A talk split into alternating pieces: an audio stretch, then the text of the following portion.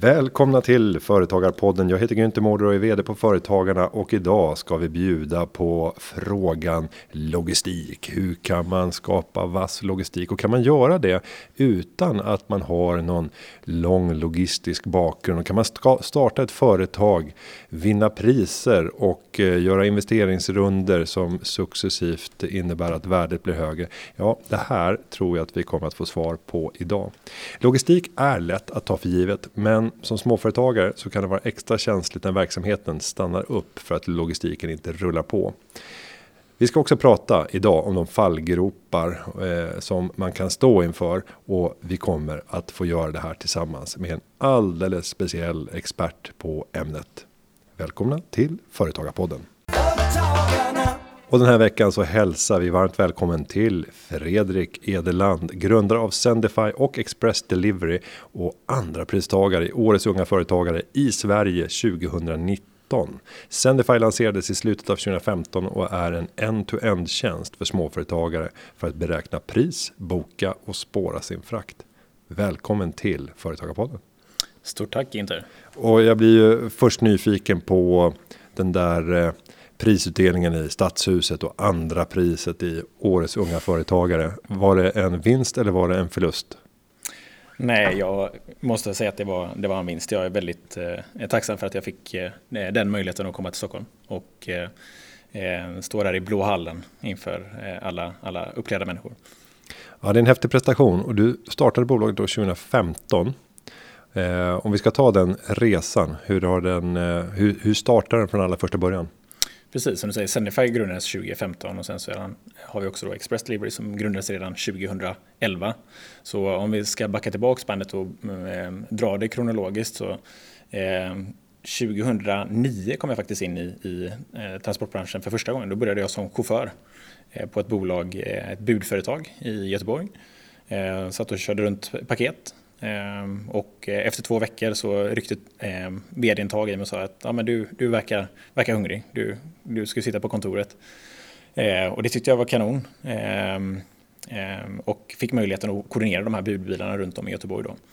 Eh, och det där, eh, där stannade jag i två år och eh, under den här tidsperioden så fick vi möjlighet att för DHL bygga upp deras samma dagen leveransnätverk i Sverige. Så det outsourcade man helt enkelt till, till det här bolaget som jag jobbade på. Då.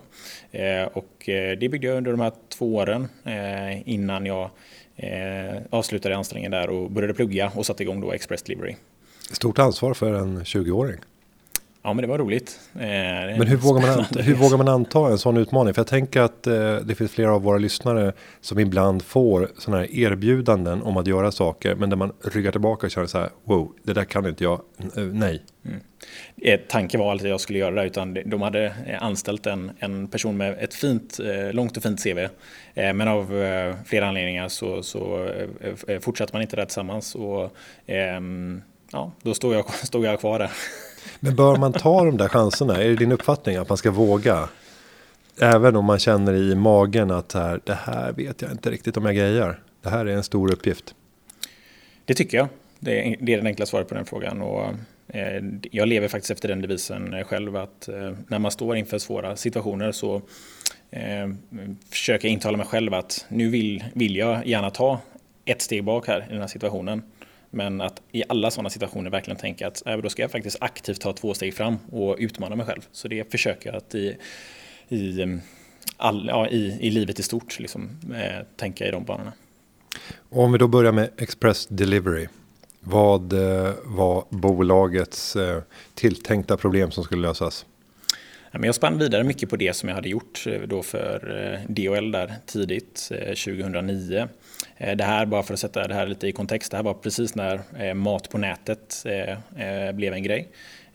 Aktörer som Middagsfeed och Mathem kom till liv där i, i den här vevan. Jag hade också ansvar för en del av de här ruttplaneringen för de här företagen också. Men problemet som vi ville lösa var snabba leveranser framförallt inom B2B, så inte B2C. Alltså, det fanns ingen konsument inblandat utan ofta bolag inom tillverkande industri som ville ha någonting fraktat från A till B eh, väldigt, väldigt fort. Eh, vi pratar inte dagar utan vi pratar timmar, minuter. Eh, exempelvis en produktion som håller på, på att stanna och man behövde flyga in två ton med växellådor till Sverige, eh, för annars stannar hela linan. Och eh, det får i sin tur ännu större kostnader än den här stora transportkostnaden. Då.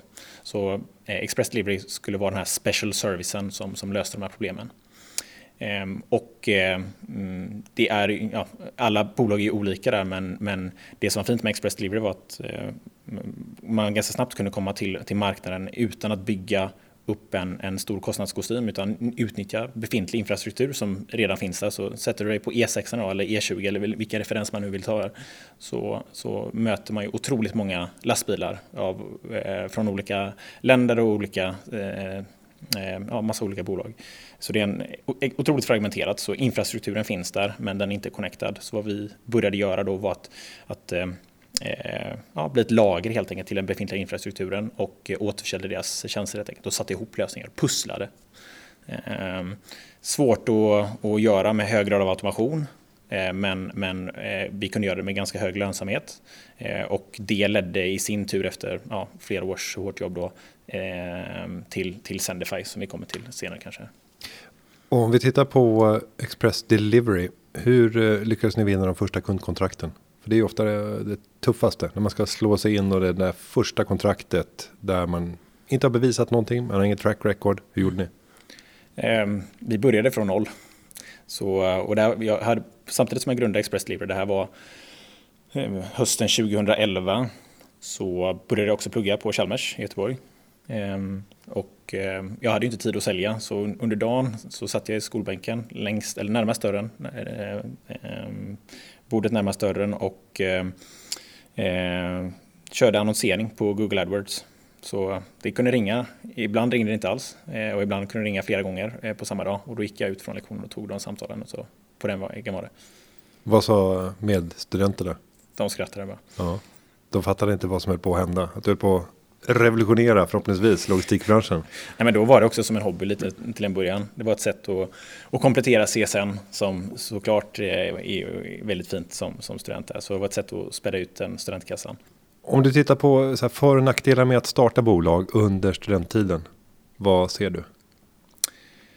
Jag tror att eh, om man har möjlighet att göra det så ska du absolut ta den chansen. Eh, att kunna varva teori och praktik är något som är otroligt kraftfullt och det blev väldigt tydligt för mig när man läste mycket teori på, skol, eh, på Chalmers då, eh, och du kunde applicera det i, i din verksamhet. Så det var otroligt kraftfullt att kunna göra det. Om man tänker baksidan, det skäljer fokus från studierna. Är det någonting som man bör vara orolig för? Eh, jag tycker inte det, för om man ser, ser livet i olika faser, så, så som jag såg det i alla fall, så, så såg jag företagandet som, som en del av min utbildning också. Eh, och eh, eh betygen är absolut viktiga. Eh, och i, i, mitt fall så skulle jag snarare säga att det blev en katalysator för ännu bättre eh, betyg. men, men det där är nog upp till varje individ att veta sina liksom, sin kapacitet och, och ja, hur mycket tid man vill, vill lägga på det helt enkelt. Jag önskar att jag hade kunnat säga detsamma. Att mina engagemang utanför allt som rörde det akademiska blev en katalysator för min akademiska framgång.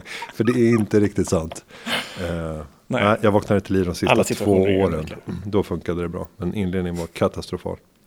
Uh, och om vi då tar steget över för att eh, nu har vi pratat Express Delivery men idag sitter du med Sendify och vi kommer att eh, diskutera lite närmare om det stora som har hänt den dagen då vi spelar in det här. Då är det sannolikt signat men pengarna finns inte på kontot. Jag har precis genomfört en runda men dit kommer vi. Men Sendify och Express Delivery resan över där. Ja, så ehm, ja, men om vi säger att eh, Express Delivery-resan började du 2011 och ehm, ja, men 2013, där i maj 2013 så låg jag hemma i brorsans soffa och så fick vi in ett mail från eh, ett stort konsultbolag, eh, globalt sådant, som eh, hade fått i uppdrag att för amerikanska regeringen se över hur man genomförde passdistribution i Skandinavien, eller globalt, men, men den, här, den här personen som kontaktade mig hade fått uppdrag att, att se över eh, det för Skandinaviens räkning. Då. Och eh, tidigare när man skulle åka till USA så behövde man eh, ta sig till ambassaden för att eh, på en visumintervju och sen så två veckor senare så skulle man eh, då ta sig tillbaks för att hämta ut det här visumet. Och den här processen ville man effektivisera helt enkelt 20 Eh, med start januari eh, 2014. Eh, och ja, men lång historia kort. I Express Delivery så hade vi byggt upp ett väldigt starkt ben på tidskritiska transporter som är en ytterlighet och den andra delen så ligger eh, pris och sen så har du andra dimensioner som hållbarhet också. Då. Men, men vad man ville ha här med den här lösningen eh, för, för den effektiviserade passdistributionen var en, en lösning där man inte behövde ta sig till ambassaden eh, för den här intervjun och sen att man kunde skicka ut det till, till, eh, till kunden. Och då byggde vi ett system helt enkelt för, för det här bolaget. Ehm, och, ehm, och använde befintlig infrastruktur. Återigen, liksom det kommer igen här. Eh, vi använde, eh, ja, utan att gå in på vilket bolag det var, med ett av de större transportbolagen för det upplägget. Och sen så kunde vi också koppla på fler transportbolag så att, så att i slutändan så fanns det flera eh, valmöjligheter här. Och det ledde helt enkelt till att vi byggde den digitala plattformen som i sin tur ledde till, att, till grundandet av Sendify något år senare. Levde Express Delivery kvar Express lever kvar, absolut. Mm. Och där sitter jag i, i styrelsen, då, så jag är inte aktiv vd och har en eh, väldigt duktig vd på plats. Eh, och den verksamheten eh, växer på eh, fint nu. Eh, man kan väl säga att den här passdistributionsdelen var, det var inte core business. Eh, och, utan core business var de här snabba transporterna, men det möjliggjorde ju grundandet av, av Sendify. Om vi då tittar på Sendify idag, vad är erbjudandet? Eh, erbjudandet är förenklad frakt eh, och fraktbokning för företagare och i synnerhet småföretagare. Så vad vi gjort här är att bygga en digital logistikplattform där eh, vi gör det möjligt för det lilla bolaget att på två minuter registrera ett konto helt kostnadsfritt och sedan så använder vi våran, våran kundbas eller medlemsbas och aggregerar volymer helt enkelt. Och Eh, eh, genom den här plattformen så kan man boka då med, med x antal eh, stora välrenommerade transportbolag helt enkelt. Så som du nämnde i ditt inledningsanförande, en väldigt enkel lösning för att jämföra, boka och spåra sin frakt som företagare. Och om man tar de största utmaningarna som ni upplever att småföretagare möter när det kommer till just logistik och frakter? Mm. Eh, men jag tror att många småföretagare kan nog känna igen sig i det att, att, eh, att driva bolag tar väldigt mycket tid och man, man eh, är under ständig tidspress. Eh, eh och eh, Eh, logistik är väl ett tydligt sånt liksom, område där man kanske inte har nyckelkompetens och, och, kanske inte där man ska ha nyckelkompetens eh, heller. Utan, eh, och det är egentligen vad vi kan liksom komma med till bordet här. Att, att vi är en enkel lösning, vi, vi är en painkiller för, för logistikfrågan. Eh, så att man kan fokusera mer på att driva sitt bolag helt enkelt. Den typiska kunden som ni vill attrahera, vem är det? Det är vad jag brukar säga, eh, long tail B2B. Så om vi tänker Eh, en ytterlighet är de stora bolagen eh, med stora volymer och ja, eh, eh, vi behöver inte gå in på några bolagsnamn här, men jag tror ni förstår den bilden. Och sen så har vi den, eh, å andra sidan den långa svansen av många, de många småföretagarna. vi gillar den långa svansen av de många småföretagarna och framförallt inom tillverkande industri, Eh, Eh, partihandel, eh, men vi har också kunder som liksom advokatbyråer eller andra speditörer som använder Sendify som ett komplement. Men, men eh, fokus på, på B2B småföretagare. Så det kan vara allt ifrån kontrakt som skickas upp till hela byggsystem eller industriella Precis, vi vill ju bygga en, en digital plattform för logistik där du kan hantera både eh, transporter inrikes, eh, import, export, eh, allt ifrån ett litet paket upp till, till eh, pallar helt enkelt. Eh, idag kan du inte boka några container, någon containerfrakt från Kina men, men eh, det är väl inte, inte omöjligt att vi, att vi ser en framtid inom det också. Att man blir en, en, en single point of contact. Då. Och om vi tittar nu inledningen av 2021 så har det varit flera stora bolag som har kritiserats för eh, att man inte haft ordentlig koll på sin logistik och de firmor som man använder för att få ut de produkter som man säljer oftast via sin e-handel. Eh, på vilket sätt eh, kan ni visa mot era kunder att era transporter är schyssta? Vi är otroligt selektiva med de transportörerna som får vara med på Sendifys plattform. Så, eh, eh, vi får mycket frågor från transportbolag som vill vara med på plattformen som vi aktivt säger nej till. Eh, mycket på grund av att vi vill bygga tajta partnerskap med de som vi faktiskt eh, samarbetar med och att vi kan utveckla erbjudandet mot, mot demandsidan och mot kundsidan eh, tillsammans. Eh, så vi har en, en, en process helt enkelt där vi säkerställer att, att ehm, man följer lagar och regler och inte bara följer dem utan att vi faktiskt kan utveckla, utveckla dem tillsammans. Och om vi går tillbaka till själva byggandet av bolaget. Jag vet att ni har tänkt eh, ganska metodiskt när ni har eh, byggt upp bolaget. På vilket sätt har du tänkt i själva bolagsbyggandet? För man har ju den här passionsdelen och sen kan man ha metodiker. På vilket sätt har du jobbat? Jag tror så här att eh, någonting, om du ska bli en en, en, en, framgångsrik företagare. Och nu säger jag absolut inte att jag är en framgångsrik företagare, men jag tror att för att lyckas som företagare så är det viktigt att ha passion. Det, det är liksom en, eh, har du passionen så säkerställer att du långsiktigt kommer, kommer orka göra detta och tycka att det är kul. Så den är liksom viktig av den, i den bemärkelsen. Eh, men den, det andra benet som jag tycker är viktigt är, är metodiken. Eh, och eh, eh här kan du vara proaktiv. Eh, Eh, att, att från start liksom göra din analys eh, om det finns liksom möjlighet att växa bolaget inom den här vertikalen eh, med det här erbjudandet mot de här kunderna. Eh, och jag tror att många företagare ehm, Gå väldigt hårt på sin passion initialt. Ja, men jag ska starta företag typ, och så ska, följer man sin passion där. Och så kanske man slarvar lite med, med att vara metodisk här tidigt. För man kan, och jag tror att, att, att eh, hade man lagt lite mer tid där att göra den analysen så hade man sparat många, många sena nätter eh, på kontoret som man annars får kompensera för sen. Eh, och vad det faktiskt konkret innebär ehm, i att göra sin, sin marknadsanalys. Vad, vad finns det för, för behov eh, av det, det, jag vill, vill sälja? Eh, det är inte bara du själv som ska tycka att det här är en kanonprodukt utan du ska faktiskt kunna sälja den också. Hur tänker du när man ska bygga pusslet av kompetenser? Man ska ju ha ett team också som kan balansera upp för de eh, tillkortakommanden man själv har och som kan släppa fram de styrkor mm. som man själv besitter mm. och där man tillsammans skapar en stark helhet. Hur har du tänkt kring att bygga team? Nej, men initialt, jag var ju initial ensam grundare eh, på, på Sendify eh, och Express Delivery. Och eh, ja, men man kan väl se det lite som då, då, går man längst fram och får leda, leda flocken. Eh, sen så ändras Eh, eller i alla fall för mig så har synsättet på det här ändrats. Och nu ser jag snarare att jag vill och försöker gå bakom snarare. Och eh, att det är eh, de otroligt talangfulla eh, individerna som vi har i organisationen som, som driver verksamheten framåt. Så aktivt försöka ta ett steg bakåt och inte två steg framåt utan aktivt ta ett steg bakåt i rummet och, och släppa fram folk. Eh, eh har varit viktigt för mig och eh, bygga bort beroende helt enkelt.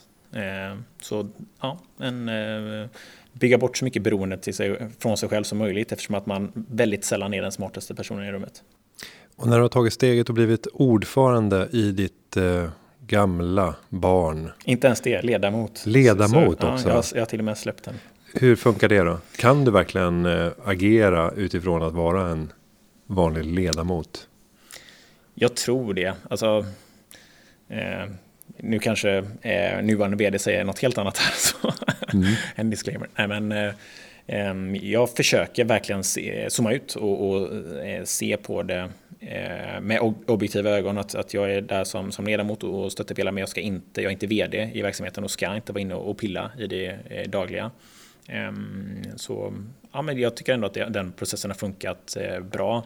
Eh, sen kanske det snarare är ett resultat av att jag varit så upptagen med, med Sendifys resa så att jag har inte haft tid och ork heller att, att engagera mig eh, på den nivån som jag kanske hade velat liksom, som, som, liksom i styrelsen.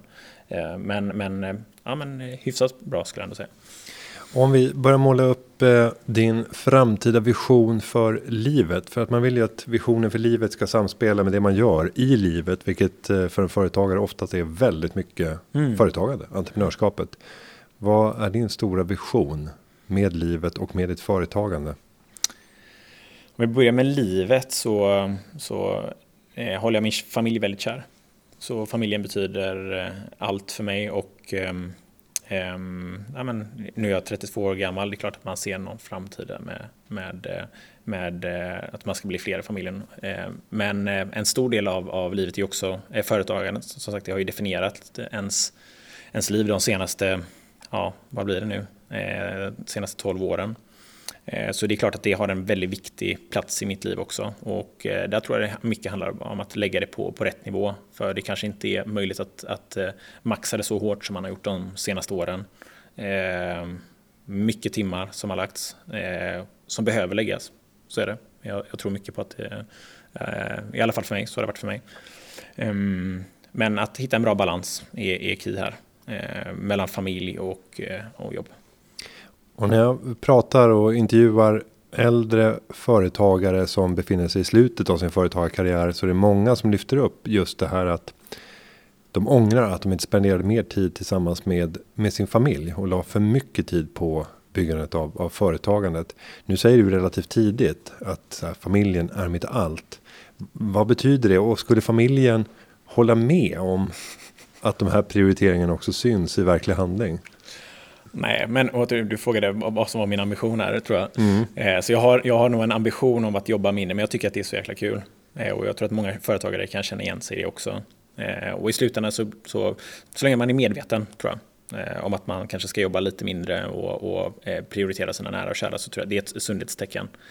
Sen så kommer man kanske alltid, det kommer kanske alltid väga över till att man jobbar lite mer än vad man, vad man ska kanske. Men, men det är väl också ett sundhetstecken också kanske. För att göra den här resan som du är inne på nu med Sendify så har det behövts kapital för att skala upp verksamheten och förra året så tog ni in 1,7 miljoner euro i riskkapital, bland annat från det Berlinbaserade bolaget Atlantic Labs. Och nu har ni stängt nästa runda på ungefär 50 miljoner kronor. Precis.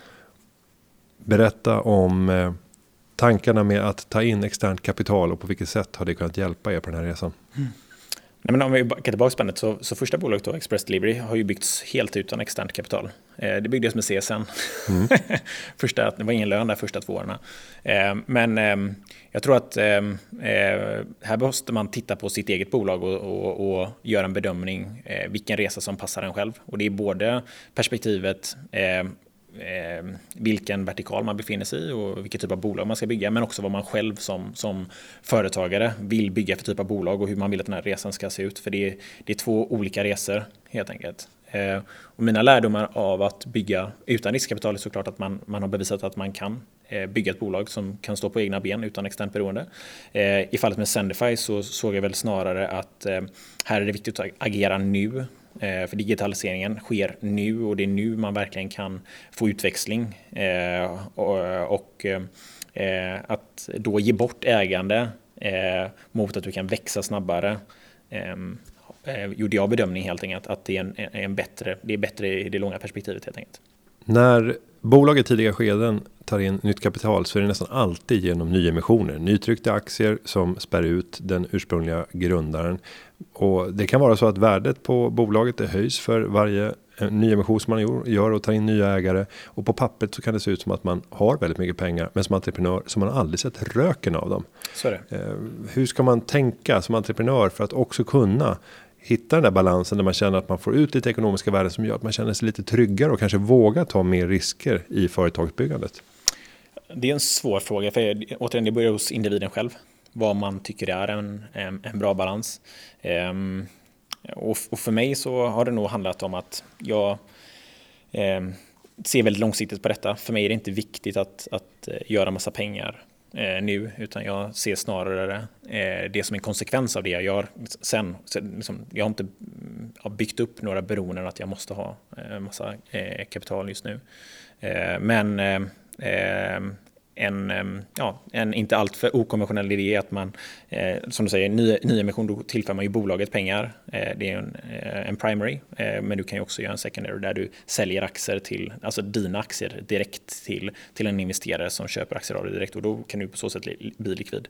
Eh, eh, investerare typ sett brukar inte vilja göra det för då går ju pengarna till, in i din plånbok och inte i bolagets plånbok. Men eh, ja, det, det där är, är unikt för varje individ och för varje bolagsresa skulle jag säga. Om vi nu tar den senaste rundan. 50 miljoner har ni tagit in. Till vilken värdering? Eh, 185 eh, pre. Mm. Eh, vilket innebär ja, 185 miljoner då innan investeringen och sen så blir investeringen då på cirka 50 så eh, ja, 235 eh, miljoner post. Vad, vad möjliggör den här investeringen och att bolagskassan nu kommer att eh, vara mer välfylld än någonsin tidigare? Vad kommer att hända närmsta året? Ja, men för oss har det varit viktigt att, ja, men återigen då, eh, beslutet att ta in riskkapital som jag var inne på, det, så det var för att vi vill accelerera vår tillväxt och vi ser att det är viktigt att agera nu. Eh, skulle vi bygga detta med egna, eget kapital så skulle det gå för långsamt helt enkelt. Eh, vi hade inte maxat på, på potentialen.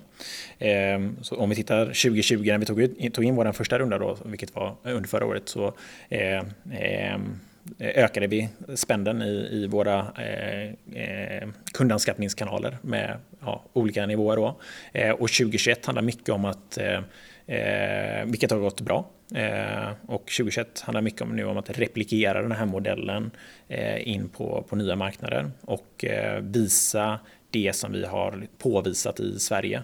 Helt enkelt. Så för mig handlar det mycket om att replikera modellen replikera playbooken. För jag pratar mycket om, om en playbook, alltså ett, ett, ehm, ja, en, en modell som vi jobbar ut efter. Och nu ska vi ta den här modellen eh, och eh, sätta den i en ny kontext, i en ny marknad. Och nästa marknad, det blir? Eh, Tyskland.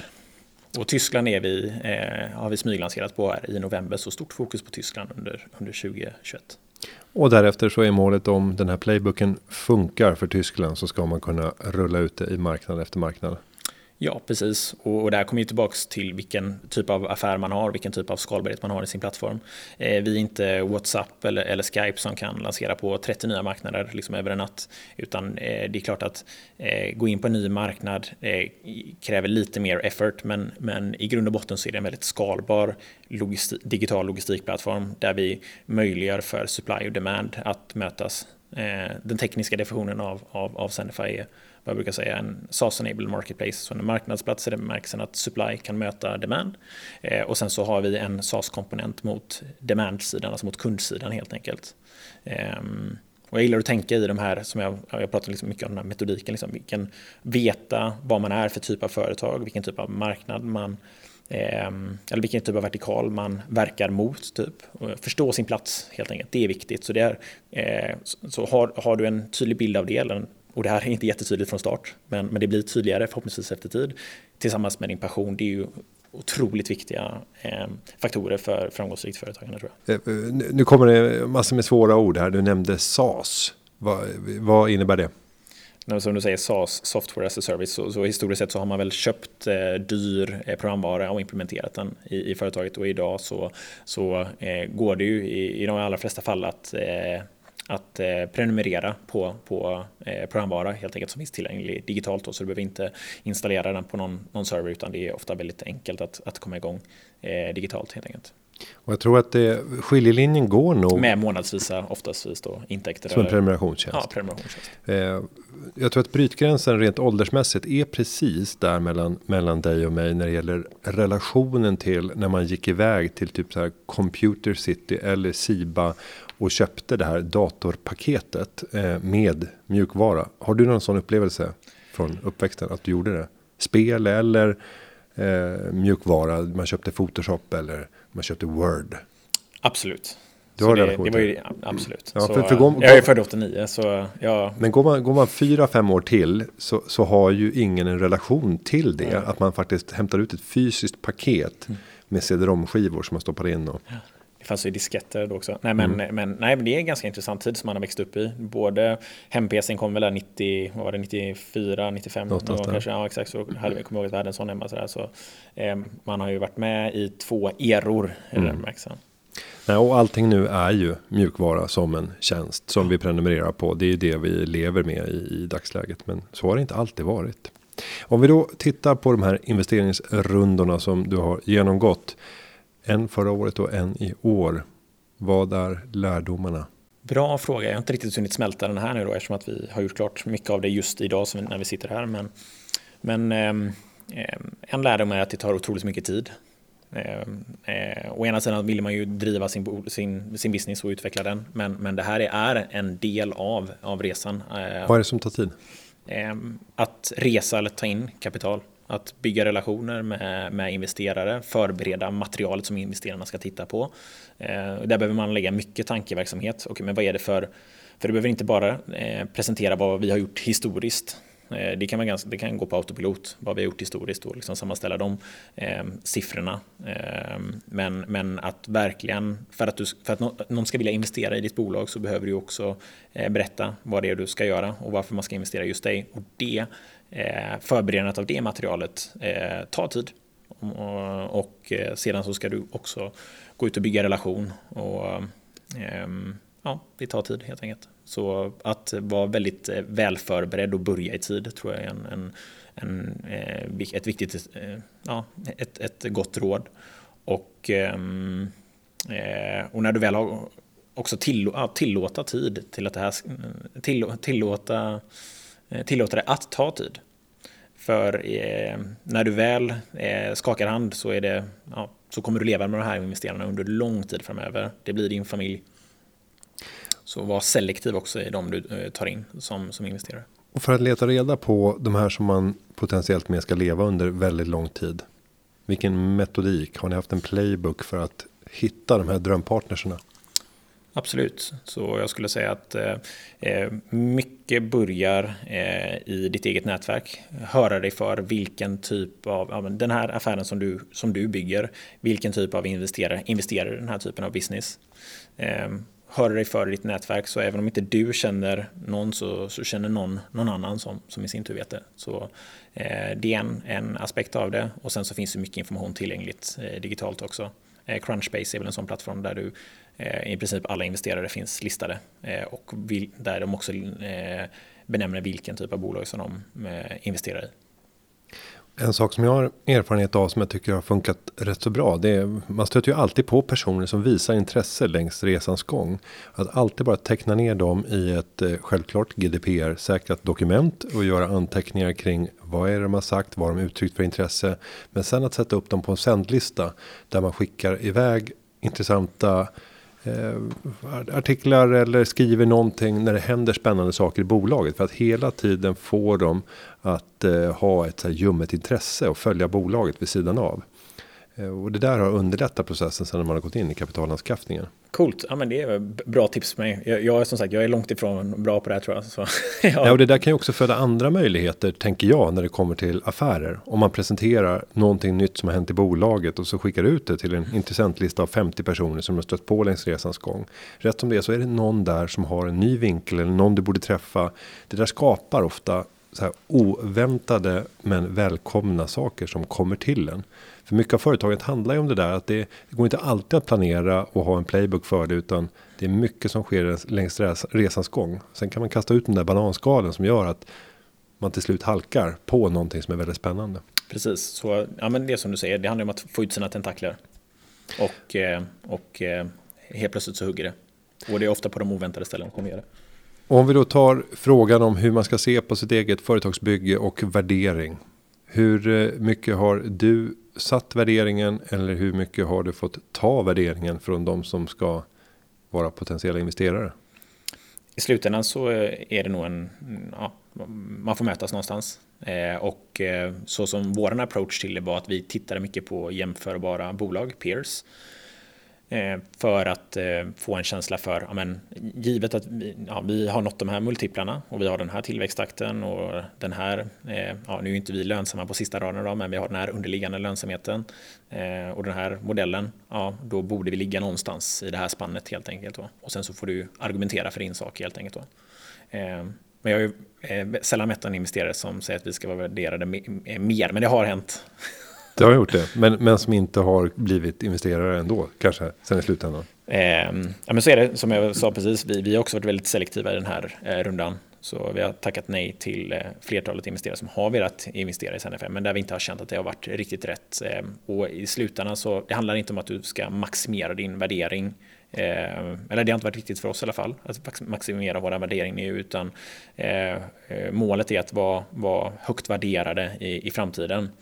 Ehm, så, så inte gå för liksom de korta vinsterna här utan tänka långsiktigt. Eh, om man har den liksom möjligheten så, så alla dagar i veckan. Om vi tittar på andra erfarenheter som du har fått från de här kapitalanskaffningsprocesserna. Vad skulle dina medskick vara till den som funderar på att ta in externa ägare för att eh, sätta fart, accelerera byggandet av sitt eget företag? var väl förberedd skulle jag säga. Eh, när du väl bestämmer dig för att, eh, för att gå ut och, och, ta in externt kapital. Men, men verkligen ta ett steg tillbaks innan du tar två steg fram och fundera på om det här är en resa som du verkligen vill göra. För den, eh, det är ingenting du kan avbryta efter, eller bör avbryta efter två år. Ehm, eh, det tycker jag inte är schysst mot investerarna heller, utan när du väl bestämmer dig för att ta in riskkapital, då, då eh, tycker jag att man ska slutföra den eh, resan också. För i slutändan så handlar det om, om, om ehm, förväntningar helt enkelt. Och om förväntan spiller ner att du ska eh, göra A och du gör B så ja, då bryter du ett löfte. Liksom. Så jag tycker man ska vara väldigt ärlig mot sig själv och mot, mot sina investerare. Då. Eh, och eh, eh, var otroligt väl förberedd. Eh, kan, du måste kunna dina siffror.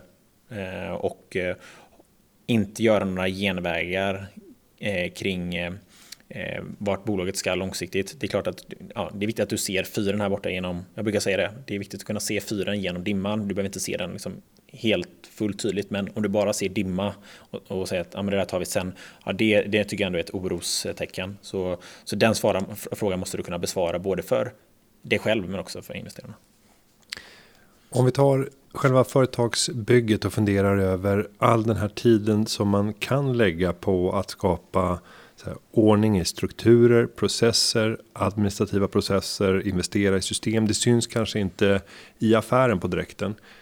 Hur har ni tänkt i den balansen mellan att så här, rock the boat, vara ute och köra, skaffa kunder, men också att bygga det bakomliggande, det tråkiga, det kanske lite mer administrativa. Mm. Nej, men som eh, ett snabbväxande bolag så behöver du avkall på vissa delar, eh, tror jag.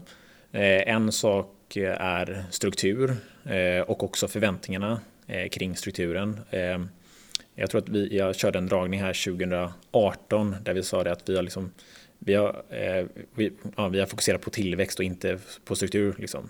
och det har varit ett, ett medvetet val. och de kommande åren kommer att vara stökiga. Men, men liksom bara för att sätta förväntningar rätt så, så ja, det är så det kommer att se ut liksom, we will fix that later, eh, lite den attityden, eller lite den approachen. Eh, och så länge du har satt de förväntningarna så, så tror jag att det är, liksom, ja, det är fine. Ehm, eh, men det är svårt att vara, liksom, det, det, brinner ju hela tiden. Mm. och du kan inte vara överallt samtidigt. Liksom. Så, så då handlar det snarare om att sätta rätt förväntningar. Liksom att, ja, här kommer vi inte vara världsbäst de, de kommande åren eller de kommande månaderna.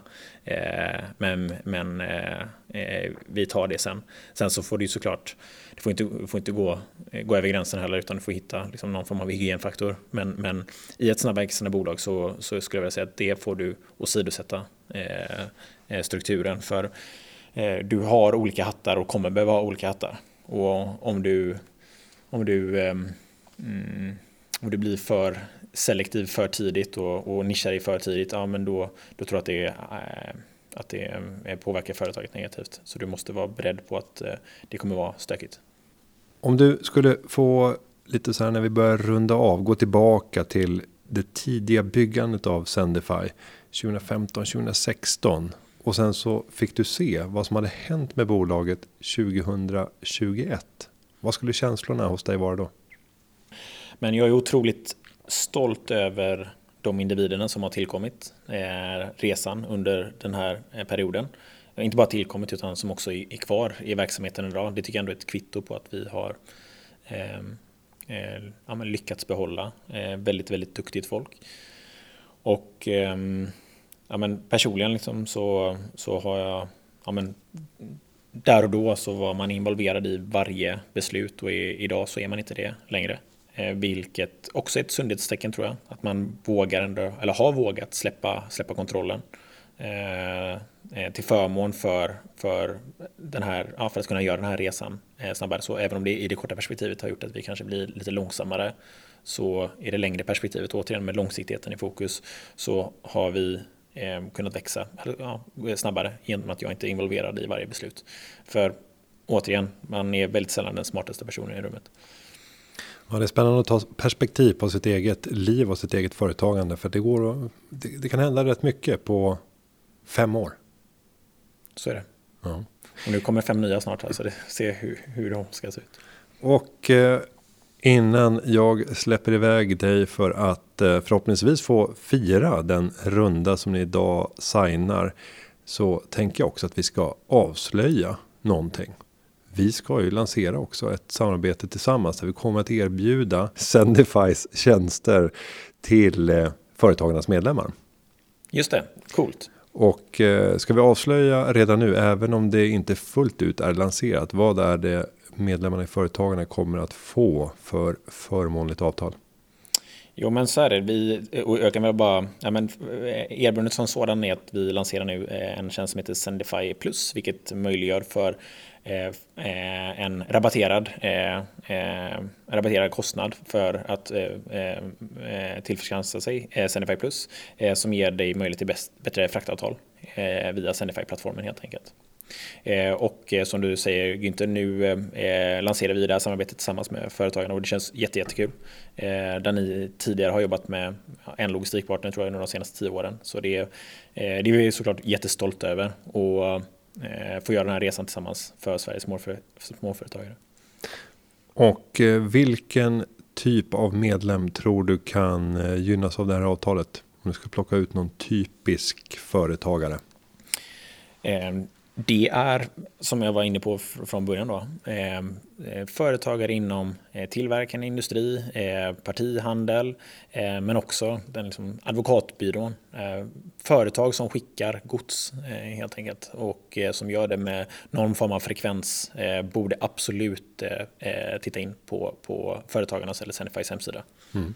Så gå in på Företagarnas hemsida, titta under medlemsförmåner och utmana det avtal som du har i dagsläget för att se om du kan eh, få bättre service, bättre pris, eh, bättre uppföljning när det gäller eh, hållbarhetsdimensionerna. Vi hoppas att så är fallet. Och jag säger stort tack för att du kom till Företagarpodden idag. Stort tack inte, jättekul att vara här. Och för dig som vill lära dig mer och inspireras när det kommer till företagarna och företagande så tycker jag att du ska gå in på företagarna.se och framförallt titta under fliken driva eget. Där finns mängder av härlig läsning och tips och tricks för att du ska kunna maximera ditt eget företagande.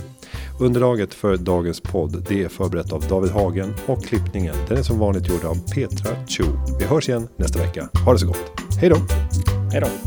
Företagarna Ja, ja, ja, ja, ja, ja Företagarna Ja, ja, ja, ja, ja, ja